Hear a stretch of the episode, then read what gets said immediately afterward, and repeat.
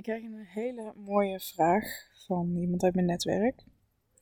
En zij zei: Sabine, ik heb nu al twee klanten naar iemand doorverwezen. Dat heeft hem 20.000 euro opgeleverd.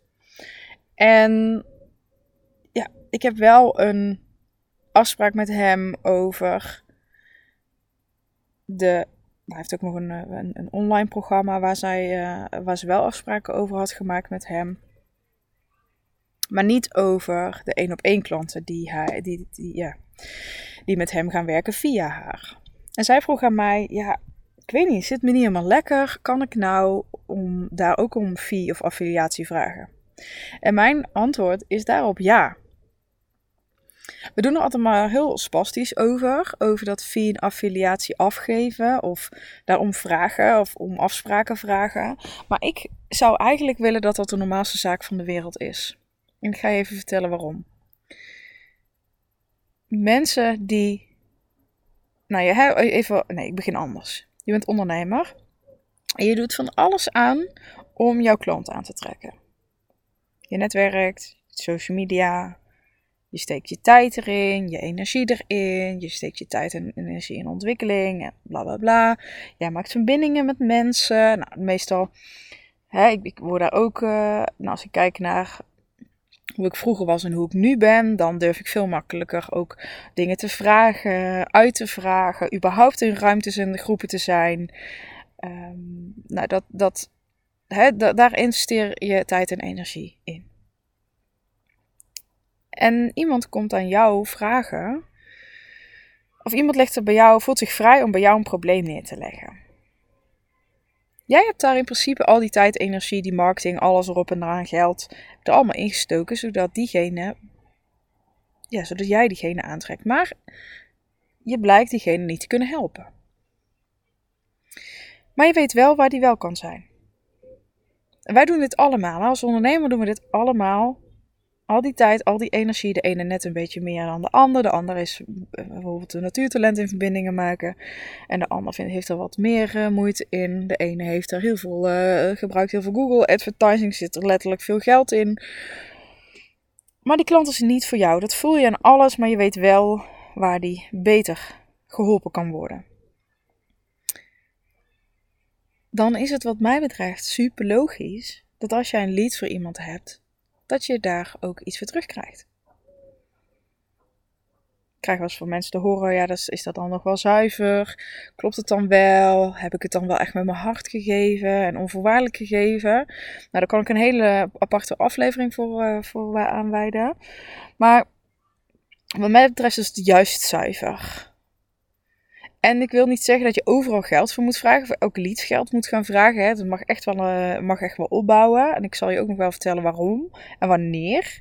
Maar even terug naar dit voorbeeld, want ik vond het een heel mooi voorbeeld. Ik denk dat als jij dit werk om je heen creëert, waar dit soort afspraken heel normaal zijn, dan heb je dus, ja, dan zet je elkaar maximaal in voor elkaar en voor jezelf. Dus die fee, ik draag persoonlijk heel graag fee af aan mensen die echt de, meest fantastische klanten waar ik blij van word naar mij toesturen. Je krijgt dat wat mij betreft gewoon in, in geld.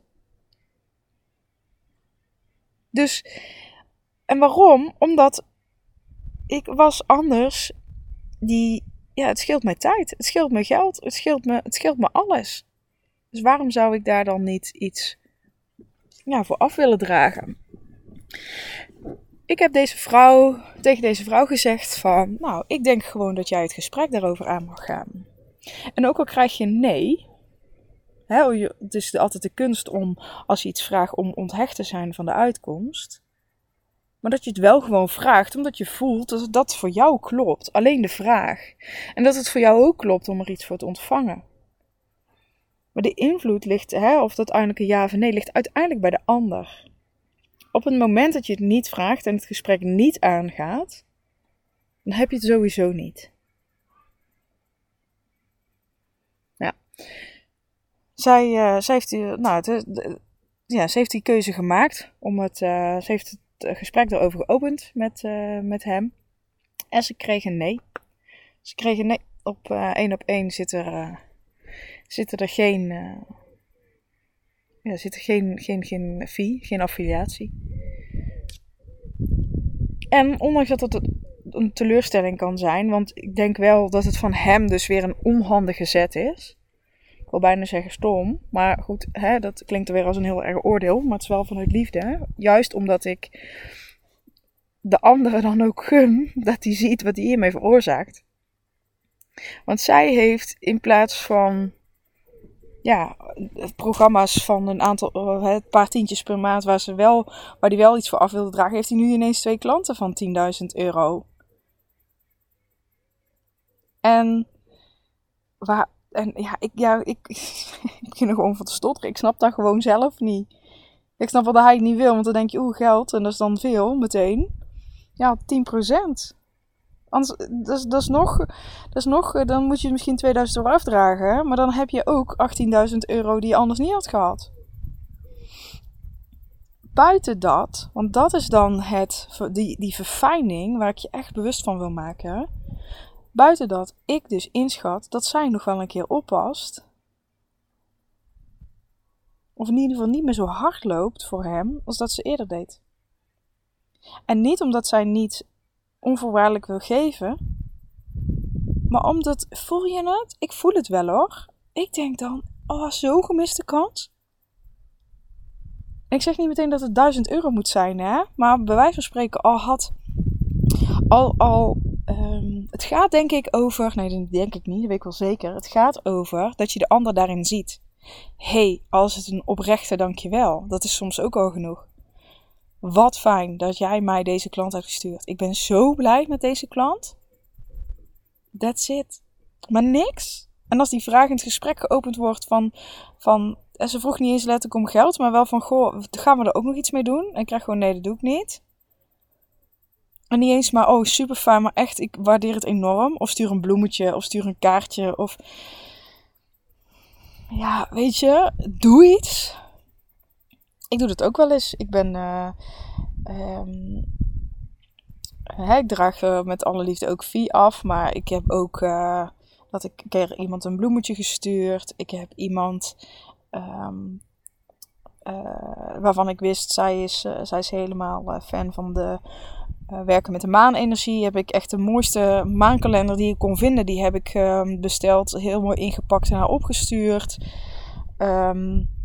Omdat zij, uh, zij, had een, uh, zij had bij mij een uh, coachklant aangedragen. Um, zit te denken, wat ik nog meer gedaan? Ja, bloemetje, kaartje. Maar iemand ook spontaan een keer opgebeld. Weet je, dat soort dingen. Het hoeft niet altijd per se met geld. Um, maar het gaat over die waardering. Het gaat over, hey, ik zie dat jij dit voor mij gedaan hebt. En dat is voor mij van waarde.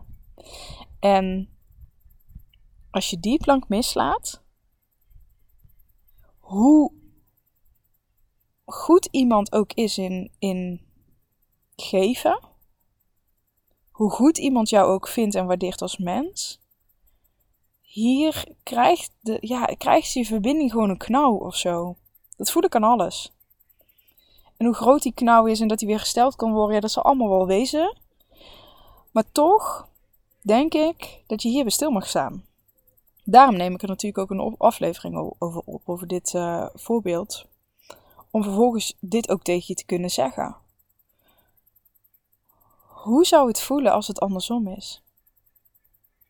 Het hoeft geen groot gebaar te zijn, maar als hij in ieder geval maar een klein groot gebaar is. Dat die ander nogmaals weet: ik weet dat het via jou komt. En ik ben daar heel dankbaar voor. Nou, misschien uh, heb je nu wel zelf situaties waar je denkt: oeh, kak, hier heb ik echt de plank misgeslagen. Of oeh, dat. Um, hmm, misschien, uh, ja, misschien moet ik die en die nog eens even contacten. Doe het gewoon. Doe het. Zorg dat die verbindingen, zorg dat die lijnen zuiver blijven en open blijven staan. Want dat gaat ervoor zorgen dat je niet alleen nu ook zelf groeit en dat mensen voor jou bereid zijn om hard voor je te rennen en kansen voor je te creëren. En niet alleen nu, maar dus ook volgend jaar, of volgende week, of volgende maand, of over vijf jaar. Dat is echt de taak die jij hebt. Dat is de invloed die jij hebt. Die ligt nooit bij een ander. Die ligt altijd bij jezelf.